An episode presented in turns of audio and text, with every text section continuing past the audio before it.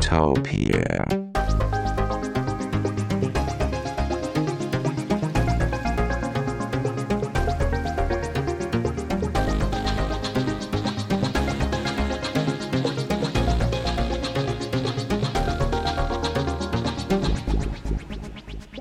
Tektopia er en podcast om mennesker og deres teknologi, udgivet af Ingeniørforeningen IDA i samarbejde med mediehuset Ingeniøren og China Experience, støttet af Innovation Center Danmark, IDA Forsikring og EUT Electronics of Tomorrow. Mit navn er Henrik Føns, og det er mig, der bestemmer i Tektopia. Tektopia.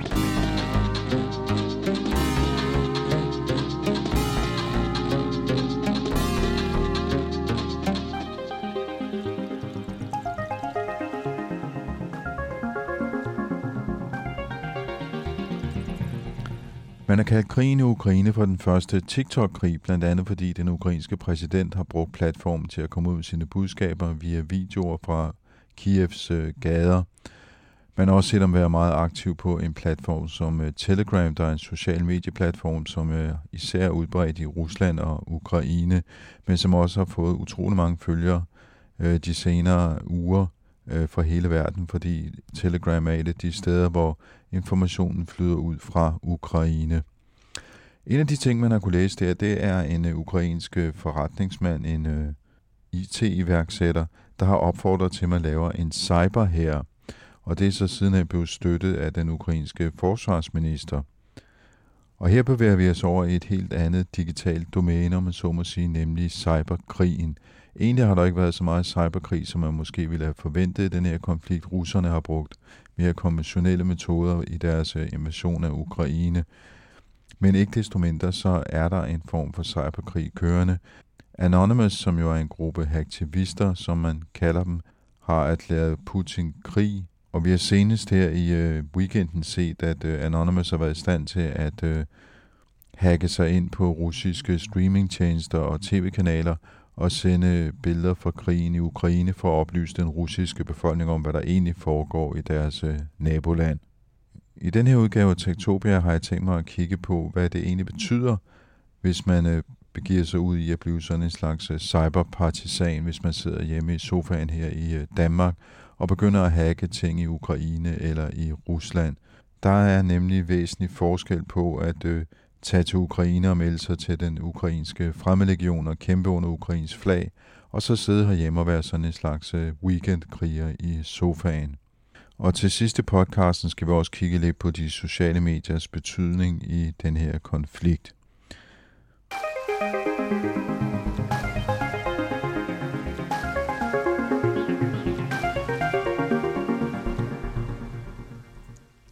Den 25. februar lavede Jegor Auschev, som har grundlagt flere cybersikkerhedsvirksomheder i Ukraine, et opslag på Facebook, hvor han efterlyste frivilligt til en her af cyberpartisaner. Tiden er inde til at maksimere cyberbeskyttelsen af vores land, skrev han i et opslag på Facebook. Og de, der ønsker at tilbyde deres færdigheder, kan tilmelde sig ved hjælp af en Google-formular, og de kan være involveret både i forsvar og i angreb. De frivillige de blev så spurgt, hvor mange års erfaring de har inden for 12 specifikke områder, lige fra open source indsamling af efterretninger og social engineering til malwareudvikling og DDoS-operationer. De, der tilmeldte sig, blev også bedt om at oplyse navnet på en betroet reference, som kunne stå inde for deres øh, troværdighed. Sidenhen blev den samme opfordring øh, gentaget af den ukrainske forsvarsminister. Spørgsmålet er, hvad det her det egentlig betyder for den enkelte, hvis man melder sig til at øh, deltage i øh, krigen i Ukraine på den her måde. Er man øh, cyberpartisan, er man vortids Spaniens frivillig, eller er man i juridisk forstand en ganske almindelig kriminel hacker? Jeg ringede til Mikkel Storm Jensen på Forsvarsakademiet, hvor han er analytiker og ekspert i cyberkrig.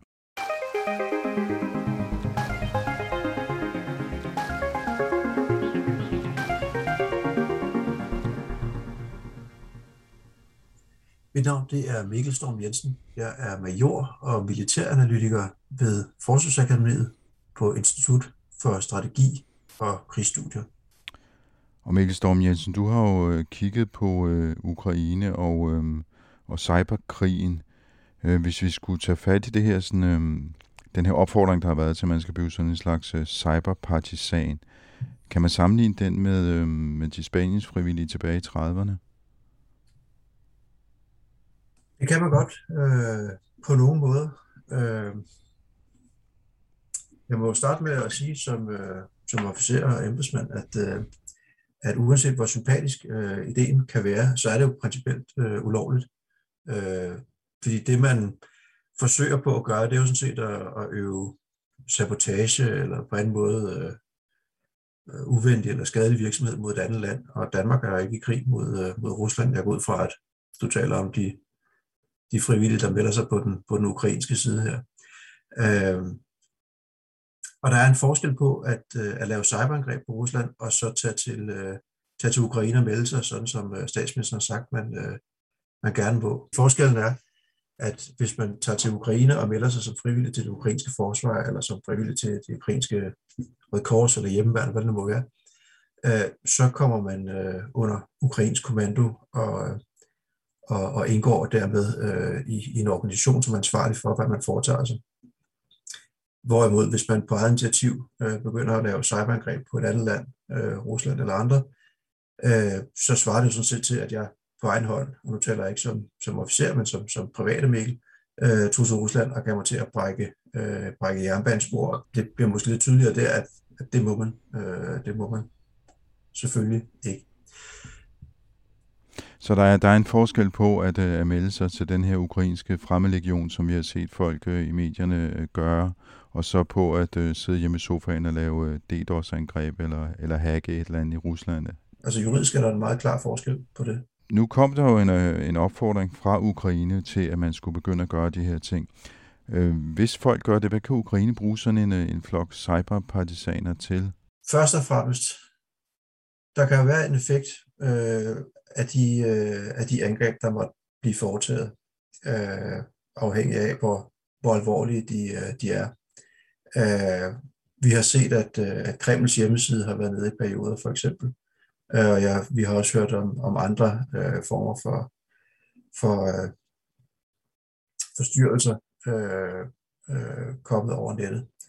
Øh, et eksempel, der ligger lidt uden for, for Rusland, øh, nemlig fra før den russiske invasion, der var der rapporter om, at øh, hviderussiske øh, aktivister i protest mod den hviderussiske regerings øh, støtte til, øh, til Rusland havde øh, gennemført cyberangreb på de hviderussiske jernbanenet, som faktisk var medført ret omfattende forstyrrelser.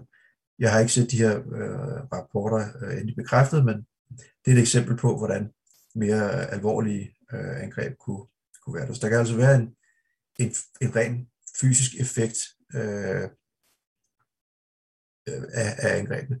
Det andet er, at når Ukraines øh, regering går ud og opfordrer øh, hacker øh, i hele verden til at støtte deres kamp, så kommer der selvfølgelig også en, øh, en debat øh, om, øh, det, om den her krig, øh, og det er bare endnu en, øh, endnu en front øh, i, øh, i hele øh, informationskampen, kampen om narrativet, øh, hvor Ukraines regering viser, at øh, eller skaber debat om, om Ruslands øh, overgreb og, øh, og får, øh, får folk til at tale om, at øh, har I hørt, at nu, nu går hackerne også ind og, og hjælper Ukraine. Så, så der er en, en, en effekt der i kampen om narrativet. Øh, ja, her over weekenden har der været eksempel på, at øh, Anonymous åbenbart har kunne hacke sig ind på nogle øh, russiske videotjenester og vise vise billeder fra Ukraine for at oplyse den russiske befolkning om, hvad der i virkeligheden foregår i Ukraine. Øhm, men er der en forskel på Anonymous og så, hvad skal man sige, sådan en slags weekendkriger, hvis det nu var mig, der sad hjemme i sofaen og begyndte på et eller andet? I sagens natur, så er det jo ikke helt klart, hvem der Anonymous øh, egentlig er, og, øh, og det er jo heller ikke en beskyttet titel, så jeg går ud fra, at, øh, at alle kan gå ud og, og sige, at de er Anonymous. Øh, der, hvor, hvor der kommer en forskel, som jeg forstår rapporteringen på det, det er, at øh, der er ligesom to ting. Der er dem, der er dem, der kan finde ud af at hacke øh, af sig selv. Øh, og det er jo nogle af dem, der melder sig ind i Anonymous. Jeg ved ikke lige, hvordan de har deres øh, medlemslister øh, og betaler kontingent, men, øh, men som kan lave angreb på, øh, på egen hånd. Og det er jo, hvad det er. Og så er der nogen, som har, øh, har besluttet sig for at, at, at hjælpe øh, dem, som ikke kan, men som stadigvæk gerne vil lave cyberangreb på, på Rusland, øh, ved at, at stille nogle værktøjer til rådighed.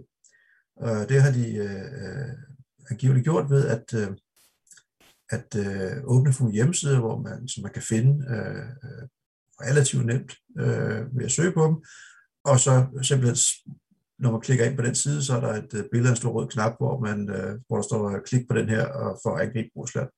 Og når man gør det, så går ens computer angiveligt i gang med at bruge sine kræfter på for eksempel at forstyrre Kremls hjemmeside ved at ringe op til den hele tiden. Når jeg siger angiveligt, så er det jo fordi, at på internettet er der ikke nogen, der kan se, om du er en hund, som man siger, og, og det, der er mange udfordringer i det her.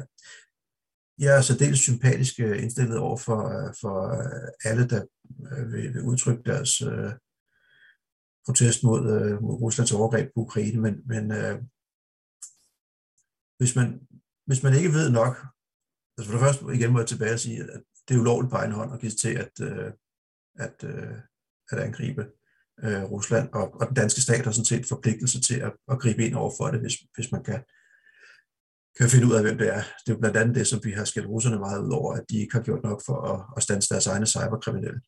Men det er så det. Øh, det andet er, at, at hvis man ikke øh, er i stand til selv at gennemføre et cyberangreb på Rusland, og der er nogen, der præsenterer en rød knap foran en, og siger, klik på den her, så angriber du Rusland. Du ved jo sådan set ikke, hvad det er, du angriber, når du trykker på den der. Det kunne sådan set lige så godt være ukrainske hjemmesider, eller, eller øh, danske mål for den sags skyld, eller det kunne også være øh, øh, kriminelle, som, som satte din computer til at lave bitcoin øh, øh, for dem, eller, eller noget andet. Øh, igen, jeg er særdeles sympatisk indstillet over for øh, enhver øh, protest mod, øh, mod øh, hvad der foregår i, i Ukraine. Øh, men der er bare nogle, nogle ting, hvor man skal, skal tænke sig grundigt om. Altså, der er så, så ud, ud over det reelt er ulovligt at gøre det, så skal man måske også lige overveje, hvad der er, der foregår, når man begynder at uh, bruge services, som man ikke helt har, øh, har styr på som privatperson. Ja, altså det er jo, det er jo hverken Google eller Microsoft, altså de her, de her hjemmesider. Så, og jeg siger ikke, at de mennesker, øh, som har gjort det her, at de er kriminelle øh, øh, alle sammen, og jeg ved ikke engang, om nogen af dem er kriminelle, men, men øh, der er rapporteringer om igen, at kriminelle, øh, så jo er, kriminelle er jo blandt de hurtigste her i verden. De er jo, øh, hvis, de var, hvis de var rigtig dumme, så var de blevet taget. Så de er jo som regel blandt de første til at reagere, og det betyder, at øh, de har omstillet deres, øh, øh, nogle af deres øh, kampagner fra at udgive sig for at være øh, nigerianske prinser eller øh, Nelson Mandelas enke, øh, til nu at være øh, ukrainske øh, kvinder i, øh, i nød, øh, sendt nogle bitcoins. Øh, nu har man jo også set en øh, person som Elon Musk øh, donere terminaler til sit Starlink-satellitprojekt, så folk kan, kan komme på, på nettet, hvis de skulle være, hvis det skulle være svært, eller hvis det skulle være umuligt i Ukraine. Hvad, hvad, hvad betyder det, at sådan en af verdens rigeste mand her, han pludselig blander sig i konflikten på den måde? Det, det betyder jo flere ting. Igen er der, er der formentlig en, en, en stor grad af, af er kamp om narrativet i det. Altså det er, det er, det er klart god reklame for, for, for Ukraine. Det er et forkert udtryk at bruge, men, men det, det, er, det, er, det, det skaber en masse god opmærksomhed om, om, om Ukraines øh, sag, det her. Men det viser jo også noget om den øh, store indflydelse, som øh, private firmaer, øh, altså ikke statslige aktører, nu talte vi før om, om kriminelle og om partisaner, øh, øh, men øh, store private firmaer spiller jo også en ny rolle i den her konflikt, som ikke har set tidligere. Ikke bare Elon Musk, som øh, ved at trykke på nogle knapper og flytte nogle satellitter, kan, øh, kan skabe en helt ny øh, resiliens, modstandsdygtighed i Ukraines øh, kommunikationsinfrastruktur. Men det er også nogle, øh, som Google for eksempel, der har, øh, der har lukket for trafikinformation øh, fra Ukraine, for at, øh, for at man ikke kunne bruge det her til at kunne øh, for eksempel se troppebevægelser Øh, øh, eller, eller andet. Øh, og de store øh, selskaber, som har lukket for for eksempel, øh, er det ikke Telegram, der har lukket for, for øh, kommunikation i Rusland, fordi der var så meget propaganda på det. Mm. Så mange af de, øh, mange af de øh, strukturer, som vi er vant til at bruge og ser som en del af vores hverdag, bliver det pludselig klart, at det er faktisk øh, private aktører, som, som, arbejder, som ejer de her strukturer, og som er i stand til at, at tænde og slå for dem. Og de kan jo have deres, øh, hvad skal man sige, sympatier eller antisympatier, som gør, hvad de, hvad de tænder og slukker for. Men, ja. men, men når vi nu snakker om det her, og hvordan det bliver tændt og slukket for ting, og, og blokeret øh, forskellige tjenester, øh, vi har jo i årenes løb set en del øh, angreb på Ukraine, altså cyberangreb, men det virker som om, at der ikke har været så meget cyberkrig i den her konflikt. Det er som om, at øh, når man skal skal, hvad skal man sige, ødelægge infrastrukturen, så gør man det på traditionel vis med missiler og bomber og ved at besætte atomkraftværker osv. Ja, altså der kan jo være flere forklaringer på, øh, på det her. Øh, russerne har i, øh, i mange år øh, op til, til det her øh, været ret øh, voldsomme i deres øh, cyberdrillerier af, af Ukraine.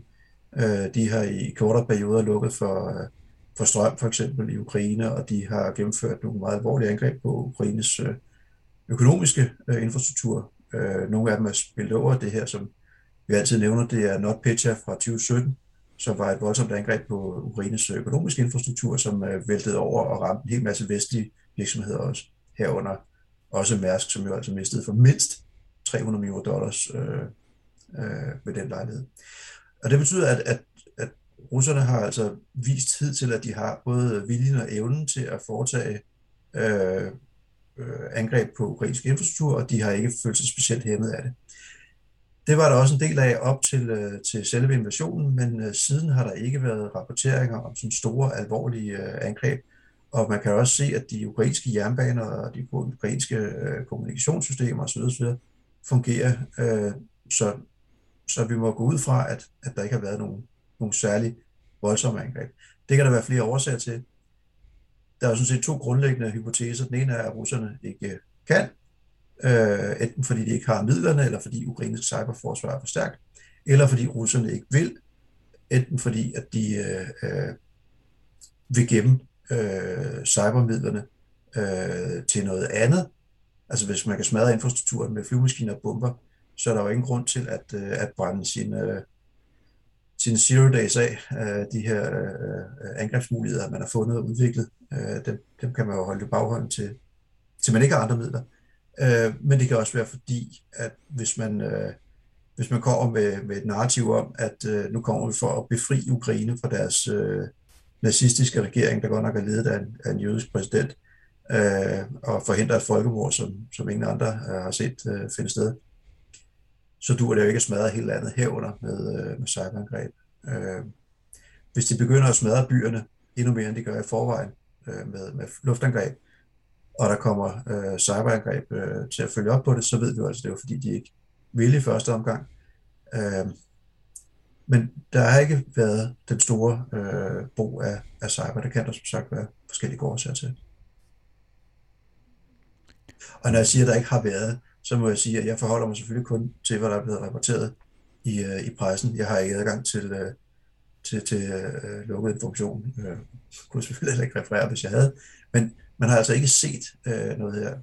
En anden årsag til, undskyld, jeg lige tænker lidt videre, men en anden årsag til, at, at man måske ikke har været så voldsomt fremme på, på cyberangrebet, i hvert fald når det gælder kommunikation, det er, at hvis man har satset på, det er der noget, der tyder på, øh, at den militære operation til at starte med, at angrebet, invasionen til at starte med, skulle øh, forårsage en masse panik, og forårsage, at øh, det russiske, øh, undskyld, ukrainske forsvar klappede sammen med det samme. Øh, så er det jo faktisk en meget god idé, at folk de kan snakke sammen, fordi hvis man lukker for al intern kommunikation, og folk ikke kan tale sammen, så har panikken jo ikke nogen mulighed for at, at brede sig. Så i virkeligheden så tjener det et formål at alle kommunikationskanalerne åbne, fordi folk kan tale sammen og måske øh, skubbe til den generelle panik, som du siger. Derfor kunne man godt i en anden fase af angrebet gå over til at, at lukke for al kommunikation, for eksempel for at forhindre øh, øh det ukrainske, måske gøre det sværere for det ukrainske forsvar at, at kommunikere og koordinere, og også gøre det øh, vanskeligere for den ukrainske regering at nå ud til sine borgere og for eksempel give dem øh, beredskabsmeddelelser.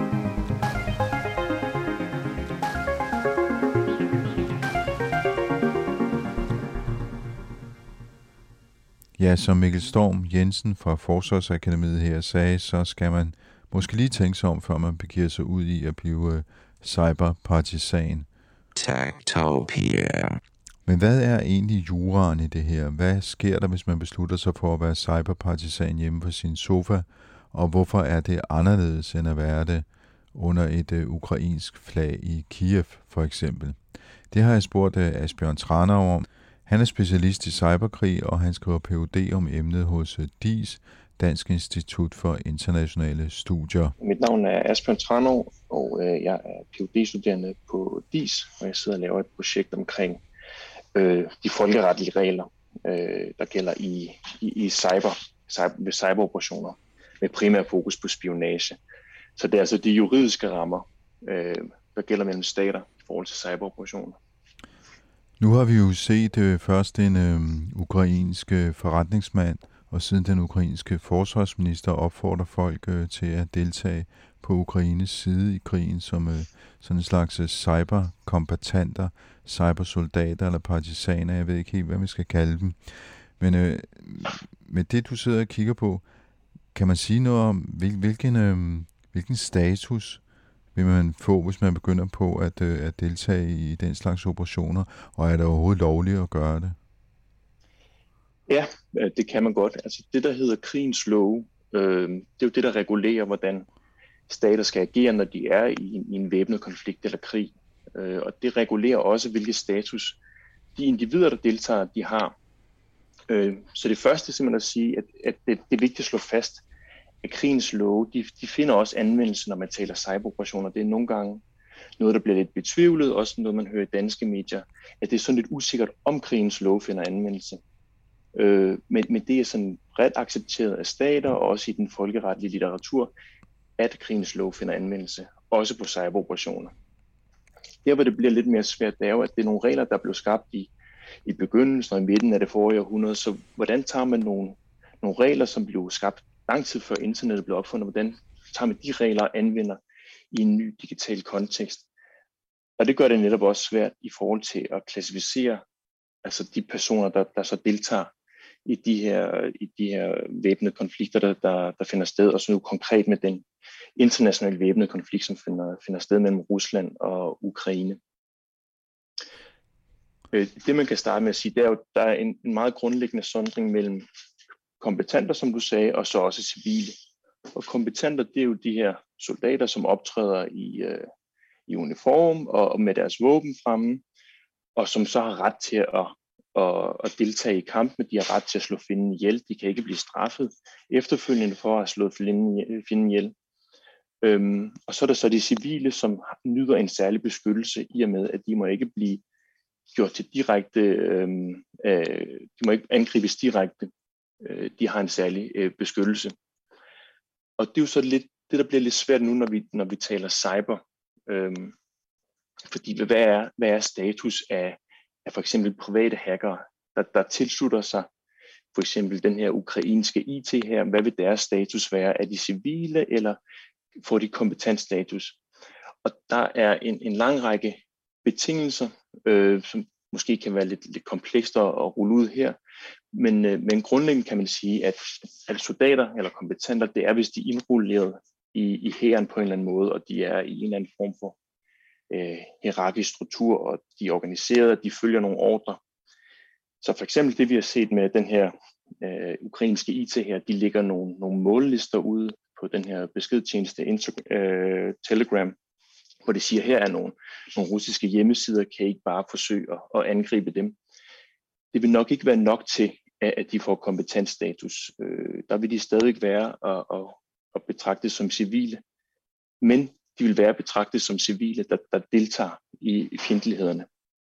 Og det betyder faktisk, at hvis de går ind og laver operationer, som sådan negativt påvirker øh, de russiske militære operationer, for eksempel hvis de lægger deres kommunikationssystemer ned, jamen så mister de faktisk deres beskyttede status øh, i det tidsrum, hvor de sådan ligesom er inde og lave de her operationer.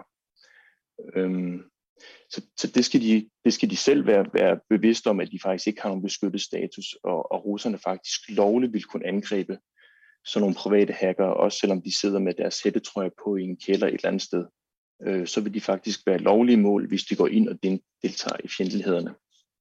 Men, men når du siger lovlige mål, øh, er det ikke sådan et hypotetisk, fordi hvad skulle russerne gøre ved dem? Jamen, jamen russerne kan vel godt angribe dem. Øh, det bliver ikke helt utænkeligt, at hvis de kan føre angrebet tilbage, altså det er jo en af fordelene ved cyberoperationer, det er, at de, de er meget svære at, at, ligesom at føre tilbage til, til øh, dem, der udfører dem. Men, men ikke desto mindre, det kan lade sig gøre, og det kan også være, at de har andre efterretninger, russerne, der ligesom peger på, at her sidder altså en hackergruppe i en eller anden øh, kælder i, øh, i Kiev, og så må de faktisk gerne sende deres soldater ind, eller, eller smide en bombe ind, hvis de her øh, hacker de deltager i, i, i fjendtlige operationer mod russerne. Så har de ikke den her beskyttede status. Men hvis det nu var mig hjemme i sofaen, som øh, havde nogle evner til at gå ind og lave et hackerangreb på en russisk installation, for eksempel noget, en energiinstallation eller noget andet, som kunne ødelægge noget af deres infrastruktur. Hvordan vil jeg så være stillet som, øh, som privatperson i det her scenarie? Altså hvis vi tager udgangspunkt i, at du sidder i Danmark og, og hacker, så sidder du i et land, som Danmark er nu, som er, som er neutral eller ikke krigsførende. Øhm, så, så vi er ikke en part i den konflikt, der, der, der finder sted lige nu mellem Rusland og Ukraine. Øhm, men det betyder så, at Danmark som neutral ligesom skal, skal sikre sig, at der ikke udspringer nogen folkeretsstridige handlinger fra dansk territorium. Øhm, så, så Danmark har en forpligtelse til simpelthen at stoppe hackere, øh, der direkte laver fjendtlige operationer øh, mod det, det russiske militær. Øh, men man bliver ikke selv kompetent. Altså man vil stadig ikke være civil, og, og russerne vil som udgangspunkt ikke kunne, kunne angribe dig i et neutralt land. øh, med mindre at, at Danmark simpelthen vælger ikke at skride ind, eller måske ikke kan skride ind. Øh, men der skal ligesom nogle, nogle skridt til, før det kan, det kan ske. Men altså, man bliver ikke selv kompetent af at sidde i Danmark og så hacke øh, russiske hjemmesider for eksempel. Og, og det, der måske også er vigtigt at, at lave en, en skælden mellem, altså nu, nu ser vi, at der har været nogle, nogle opfordringer for Anonymous, det hackernetværk, om at man skal gå ind på øh, Google Maps og så lave sådan nogle anmeldelser på, på restauranter, og så ligesom oplyse den russiske befolkning om, hvad, hvad der egentlig sker med den her krig. Og, og det vil nok ikke være nok til at betegne som et, øh, eller øh, betragte som, som, et, som en egentlig angreb mod øh, den russiske øh, militærkapacitet. Altså det er mere sådan en propagandakrig. Så, så det vil nok ikke være nok til, at man ligesom mister sin beskyttede status. Altså her, her tænker, tænker jeg øh, primært på hacker, der sidder i Ukraine. Og hvis du skulle lave sådan nogle propagandaoperationer, at det skal være mere direkte rettet mod der, deres militærkapacitet øh, før man ligesom kan sige, at man mister sin beskyttede status øh, som civil. Altså at deltage i en propagandakrig øh, er, er næppe nok. Det, det vil sige, at hvis man sidder i Danmark for eksempel og hacker lige nu på, øh, på noget i Rusland, så er man faktisk øh, stillet på nøjagtig samme måde, som hvis man havde gjort det for fem år siden, hvor der ikke var en krig. Øh, det er simpelthen en kriminel handling. Ja, det vil, det vil være en kriminel handling. Altså der kan være nogle, nogle forskellige forpligtelser for den danske stat til at, at stoppe sådan nogle aktiviteter i og med, at, øh, at vi er neutrale i, i den konflikt, der, der foregår lige nu mellem Rusland og Ukraine. Øh, men det kan man sige, det, det, er mere, det er mere de statsretlige regler. Altså øh, det, der sker i Danmark, det vil være reguleret af straffeloven og, og de regler, der gælder for, for, for hacking. Så, så ja, så man vil være betragtet som, som en, en, en kriminel øh, efter straffelovens regler, hvis man, hvis man hacker. Og det vil sige, at det danske politi kunne banke på døren og sige, hov, hvad har du gang i her? Ja, det vil det kunne. Det vil det kunne. Øh, for det er ikke lovligt at, at, at deltage eller udføre de her hacking-operationer. Og jeg er ikke specialist på den danske straffelov i, i og med, hvor, hvor, altså, hvor meget der skal til, og hvor lidt der skal til. Øh, men, men der vil jeg tro, det er nok det, de gør nu, at de simpelthen går ind og, og forsøger at lægge hjemmesider ned. Det vil være nok til, det, det vil være en strafbar handling.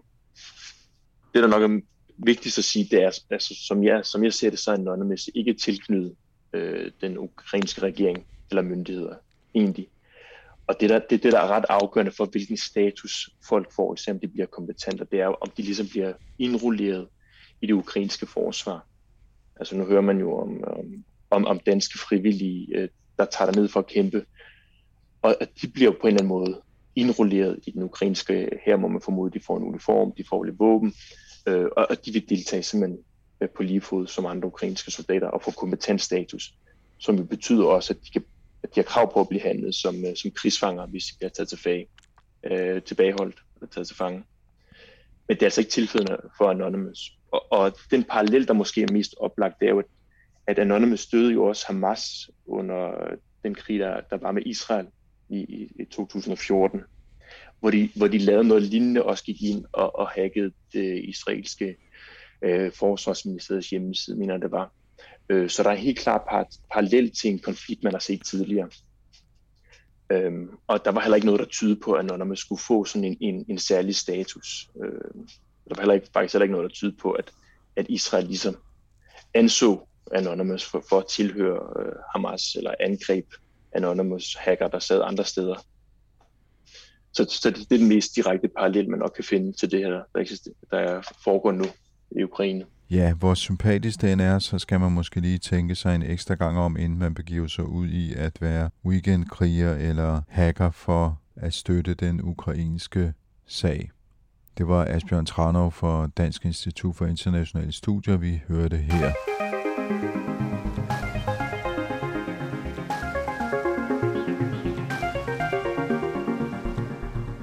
Her til sidst skal vi kigge på, hvilken rolle de sociale medier spiller i krigen i Ukraine. Som tidligere nævnt er det blevet kaldt den første TikTok-krig, blandt andet fordi den ukrainske præsident har brugt øh, TikTok til at komme ud med sine budskaber, men også fordi han har brugt øh, Telegram, den øh, sociale medieplatform, der har sin oprindelse i Rusland. Telegram og TikTok er dog ikke de eneste platforme, der er blevet brugt. Øh, russiske oligarkers døtre, som er imod krigen, har protesteret på Instagram – der er selvfølgelig livlig aktivitet på øh, Twitter, og i det hele taget så sker der rigtig mange forskellige ting på sociale medier i forbindelse med krigen i Ukraine. For at få et overblik, så har jeg øh, ringet til øh, Jeanette Særslev, der er analytiker hos øh, Forsvarsakademiet. Jeg hedder Jeanette Særslev, og jeg arbejder som militæranalytiker på Forsvarsakademiet. Der sidder jeg primært og kigger på informationskrig og på påvirkning. Og vi skal jo så kigge på, øh, hvilken rolle de sociale medier spiller i øh, krigen i Ukraine. Jeg tænker, at de spiller en meget stor rolle i, øh, i, i denne her krig i øh, Ukraine. Øhm, det, jeg mener, man, man kan se, er egentlig, at vi ser en sammensmeltning af den fysiske kampplads med den digitale kampplads, og at man ikke kan adskille de to fra hinanden så, så jeg mener, at de sociale medier spiller en utrolig væsentlig rolle. Hvad er det helt konkret på nogle ting, øh, du tænker på, når du siger det? Jeg tænker på, at øh, vi både ser de sociale medier som et sted, hvor, øh, hvor man selvfølgelig kæmper om, øh, om synspunkter om, hvem, hvem der er de gode og hvem der er de onde. Men det vi jo også helt konkret ser, det er, at de ukrainske myndigheder bruger de sociale medier meget aktivt til at kommunikere både til, til egen befolkning, til folk i, øh, i, i, i øh, Rusland og i øh, Belarus og til det internationale samfund. Så det vi ser er en blanding af, at øh, myndighederne, for eksempel den øh, ukrainske præsident, der meget bruger TikTok og Telegram og og, og, og hvad skal man sige, også til beredskabsmeddelelser, og medierne rykker over på Telegram osv. Der er alle mulige øh, aktører, som bevæger sig i de sociale, sociale medier. Ja, der er rigtig mange aktører, og det er selvfølgelig klart, at Zelensky er, er den, som man øh, i udlandet kender allerbedst. Øh, men, men, øh, men når man følger krigen øh, på nært hold, som, øh, som jeg selv gør, så ser vi også, at der, er, øh, at der rent faktisk er er rigtig mange aktører. Øh, forskellige ukrainske ministre, øh, forskellige ukrainske myndigheder, forskellige øh, ukrainske profiler, som, som alle sammen er med til at bakke op om at, og, øh, formidle budskaber til befolkningen, både i forhold til at holde moralen oppe, men også information om, hvad man kan forvente, at der vil ske, øh, og, øh, og deciderede opfordringer til, øh, til at handle. Øh, for eksempel ved at øh, fjerne vejskilte, eller lade være med at øh, streame øh, videoer, der kan vise noget om, hvor øh, ukrainske styrker er, og, og alt den slags.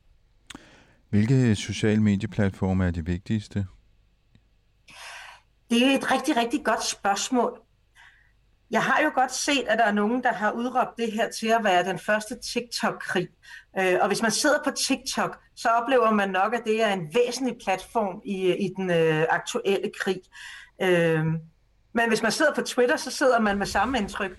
og det er så det, jeg selv øh, gør primært. Men, men øh, det interessante er, at der bliver spillet på rigtig, rigtig mange platforme. Og det er altså Twitter, det er TikTok, det er Telegram, det er også Facebook. Øh, der er også rigtig meget officiel kommunikation på Facebook. Og så er der selvfølgelig alle mulige andre kanaler. Der sker jo også noget på Reddit, eller der sker meget på Reddit. Der sker jo også en masse på YouTube øh, og på internetsider i, øh, i øvrigt. Det, jeg synes er interessant, det er, at, at, øh, at vi ser de her forskellige platforme øh, spille sammen. Man kan tale om, at der er en eller anden form for platformskonvergens, hvor vi altså ser, at ukrainske myndigheder øh, tweeter om øh, opslag på Facebook. Man ser øh, TikTok-videoer også på, på, på Twitter eller på, på Facebook øh, og så videre. Så, så, så de, bliver, de arbejder sammen, de forskellige kanaler. Men kan man tale om, at øh, forskellige aktører og bruger forskellige kanaler, og der er forskellige målgrupper alt efter, hvem man vil have fat i? Øh, jeg tænker på, øh, der var en historie her i weekenden i medierne om, at øh, døtre af russiske oligarker, som bor i udlandet, men også øh, faktisk også folk i, i Rusland, at de her døtre, de brugte Instagram til at protestere mod krigen. Og det er jo sådan lidt, man tænker, nu sidder står der i deres bikini ved en swimmingpool og protesterer mod krigen. Det virker lidt absurd. Øhm, men, men er der sådan en, en segmentering nærmest af, hvilken, hvilken kanal man bruger, alt, alt efter hvem man er? Jeg tror i, i, i høj grad også, at der er et målgruppeaspekt i, øh, i det her. Hvem er det, der, der bruger de forskellige platforme? Øh, og det er jo ikke nødvendigvis de samme, der bruger Instagram, som, øh, som der bruger Twitter. Øh, jeg har også læst mig til, at det i høj grad er en yngre målgruppe, der bruger Telegram i, øh, i Ukraine. Selvfølgelig vil der være forskel på de forskellige platforme i forhold til, hvem der er deres øh, primære øh, brugere, øh, og hvem det er, man ønsker at nå ved at bruge de her platforme. Men den her, sådan, øh, det, man skaber en slags informationsoverflod ved alle de her platformer i spil, og pludselig så bliver det måske svært at, at overskue, hvad der egentlig er sandt og, og, og rigtigt i den her konflikt der er i den grad information overload. Det er meget svært at, øh, at følge med i den nyhedsstrøm, der er øh, på, på godt og ondt selvfølgelig. Og det er selvfølgelig en risiko øh, for, for dem, der sender ud, altså nu også fra, fra de øh, ukrainske myndigheders side. Men, men, men det, som jeg ser, øh, det er, det virker til, at man bare tænker, det er bedre, at der kommer for meget ud end for lidt. Øh, så, man, man, øh, så man kommunikerer massivt øh, konstant på de forskellige platforme. Rent sikkerhedsmæssigt, der er vel også øh, nogle, øh, nogle overvejelser omkring, hvad for en platform man bruger, hvem der måske har adgang til, hvad der bliver skrevet og, og så videre. Fordi en ting er jo at sende, sende fotos ud og sende officielle meddelelser ud, en anden ting er måske at øh, kommunikere med, om ting, som, øh, man helst ikke vil have, at andre ser, altså på krypterede tjenester. Og der har Telegram jo været lidt i, øh, i skudlinjen for måske ikke at være det mest sikre, de har russisk oprindelse osv. Man kan sige, det er interessant med, med, med, med Telegram, fordi den bliver betragtet som en, øh, en sikker tjeneste, eller en tjeneste til sikker kommunikation. Øh, men netop øh, er det jo værd at huske, at den er... Øh, er russisk øh, af, af oprindelse. Den har også været øh, forbudt i, øh, i Rusland, men blev så øh, kom så tilbage mod at man indgik øh, en aftale med, med de russiske myndigheder. Øh, så, så jeg vil sige, den her idé om, at, øh, at det er sikkert, hvis bare man, øh, man kommunikerer der, det vil, øh, det vil jeg nok ikke være helt sikker på øh, var, var rigtigt. Men jeg kan også godt se, at der også er en diskussion online om, i hvilken grad man egentlig kan regne med, at kommunikationen der er sikker øh, eller ej. Hvis, hvis du kigger på Rusland, altså inde i Rusland, om man så må sige, øh, hvilke platforme bruger man så der? Bruger man overhovedet nogen mere, eller de fleste ting blev forbudt nu? Siden den russiske invasion begyndte for halvanden uge siden, så må man sige, at man har set en meget voldsom og hurtig nedlukning af mange kanaler, af forskellige øh, sociale medier, øh, af hjemmesider øh, og, og så videre. Øh, og øh, og så har man ved indførsel af, af for eksempel denne her nye lov, lov hvor man kan risikere op, imod fem, op mod 15 års fængsel, hvis man øh, distribuerer, hvad, hvad de russiske myndigheder vurderer fake news. Det har fået mange internationale medier til at trække sig, og det har senest også øh, fået TikTok til at, øh, at sige, at de øh, så trækker sig for, for Rusland i, øh, i en periode det er interessant, at det faktisk er så svært for os helt at sige, hvordan informationsmiljøet er i, i Rusland i, i denne her periode, hvor man fra myndighedernes side prøver at, øh, at, at styre kommunikationen så, så stramt. Men altså, Telegram eksisterer jo øh, og, og fungerer. Øh, og der er jo også andre øh, sociale medier, og, og dem, der er interesseret i information, kan jo også sagtens tilgå det øh, på, øh, på forskellige vis. Men det er i hvert fald meget tydeligt, at man fra de russiske myndigheders side forsøger at, øh, at lukke ned øh, på rigtig mange fronter. Så summer summarum, man kan ikke bare kalde det her for en TikTok-krig? Nej, men man kan godt kalde det for, for en digital informationskrig. Kan man for eksempel sammenligne det med noget af det, der skete under det arabiske forår, hvor man jo så et stort gennembrud for sociale medier. Jeg mener godt, at man kan sammenligne det med noget af det, der skete under det arabiske forår, fordi man både brugte sociale medier til at kommunikere internt, men også til at mobilisere en bevægelse internationalt, en opbakning internationalt. Og det har man i høj grad også gjort her. Selvom vi har haft sociale medier og videotjenester i mange år, så må man sige, at denne her krig er i den grad blevet øh, bragt ind i stuerne og ind på telefonen, hos, øh, også hos, øh, hos den almindelige dansker. Og, og det tror jeg helt klart øh, har en, øh, en betydning. Og så har det også en betydning, at vi ser øh, et Ukraine, som er så stærkt til at kommunikere i, øh, i denne her krig, som vi ser. Det er helt anderledes, end, end hvad vi har set før. Noget, der også er interessant, øh, når vi taler denne her digitale krig i forbindelse med Ukraine, det er jo, at det ikke kun foregår ved deling af videoer af, af ukrainske landmænd, der, øh, der har hægtet noget, øh, noget russisk panser på, øh, på en traktor. Men, men det er jo også, øh, det er jo også cyberaktivisme på, på en anden vis. Vi har for eksempel set øh, forskellige opfordringer. Nogle af dem kommer direkte fra Anonymous til at skrive anmeldelser på TripAdvisor og på, øh, på, øh, på Google Maps. Øh, altså gå ind og altså en måde at forsøge at penetrere det her russiske informationsjob på ved at øh, anmelde for eksempel på restauranter i Moskva, så, så, så lave opfordringer til øh, at, øh, at stoppe krigen det er i hvert fald for mig at se nyt øh, og, øh, og interessant. Øh, og, og det, opfordringen har jo virket i en grad, at TripAdvisor har været inde og suspendere muligheden for at lave øh, anmeldelser i, øh, i en periode. Øh, så det er også noget, som, som er en ny tendens i denne her krig. Jeg så en, som opfordrer folk til at gå ind og lave Airbnb-bookinger i Ukraine og simpelthen betale pengene til, til udlejerne, og så selvfølgelig ikke dukke op, fordi det kan man jo ikke rigtigt. Ja, på den mm. måde øh, lave støtte, økonomisk støtte. Allerede første dag, da, da russerne var gået ind, så oprettede ukrainerne, øh, altså de ukrainske myndigheder, jo en konto, hvor man kunne støtte Ukraines væbnede styrker med, øh, med penge. Så, og, og så gik der selvfølgelig nødhjælpsindsamlinger i gang osv. Men så ser vi også denne her form, hvor man prøver at, øh, at øh, hvor man, hvor, hvor man opfordrer til at støtte ukrainerne direkte, blandt andet ved bookninger på, på Airbnb. Og det, det er, at øhm, jeg kan i hvert fald ikke komme på direkte lignende, øh, lignende situationer før. Og det sagde Janette Særslev, der er analytiker hos øh, Forsvarsakademiet.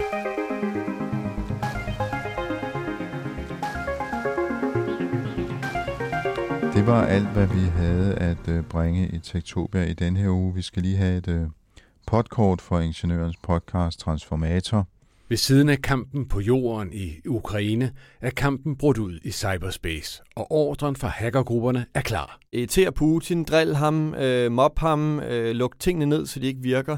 DDoS services, læg sider ned, især er det gået hårdt ud over russiske medier, øh, der i, i flere dage efterhånden ikke har kunne operere ordentligt, øh, og og, og bringe de her lidt, lidt anderledes nyheder, øh, end, dem, end dem vi i hvert fald ser herhjemme. Øh, øh, så, så, så, så det har helt klart virket og krigen er rykket ud i rummet, hvor kampen handler om kontrollen med satellitterne, og ikke mindst med den internationale rumstation ISS. Det er russerne, der sørger for med deres fremdrivningssystemer at holde ISS i den her bane på 400 km. Og hvis de slukkede for det, så begynder ISS langsomt at crashe. Det du siger, det er, at russerne har simpelthen styrepindene på rumstationen. De har styrepinden.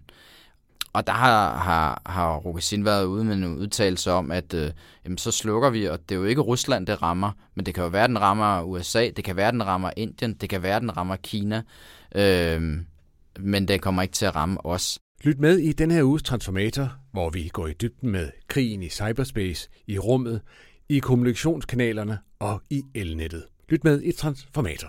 Du har lyttet til Tektopia, vi udkommer hver eneste mandag. Du kan finde os på tektopia.dk, hvor der også er links til øh, tidligere episoder. Og så kan du selvfølgelig finde os på de forskellige podcast-platforme. Du kan skrive til mig på henriksnabelag.tektopia.dk. Du kan følge os på Twitter og på Instagram. Der hedder vi snabelag.tektopia.dk. Og så kan du deltage i øh, teknologidiskussionen i vores øh, Facebook-gruppe, der hedder Tektopia Backstage.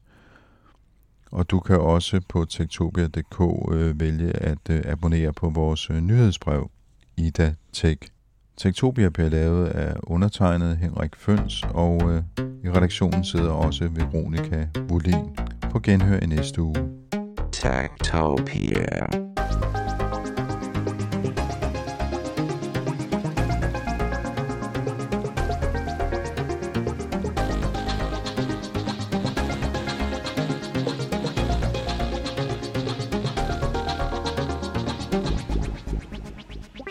Tektopia er en podcast om mennesker og deres teknologi, udgivet af Ingeniørforeningen IDA i samarbejde med mediehuset Ingeniøren og China Experience, støttet af Innovation Center Danmark, IDA Forsikring og EUT Electronics of Tomorrow. Mit navn er Henrik Føns, og det er mig, der bestemmer i Tektopia. Tektopia.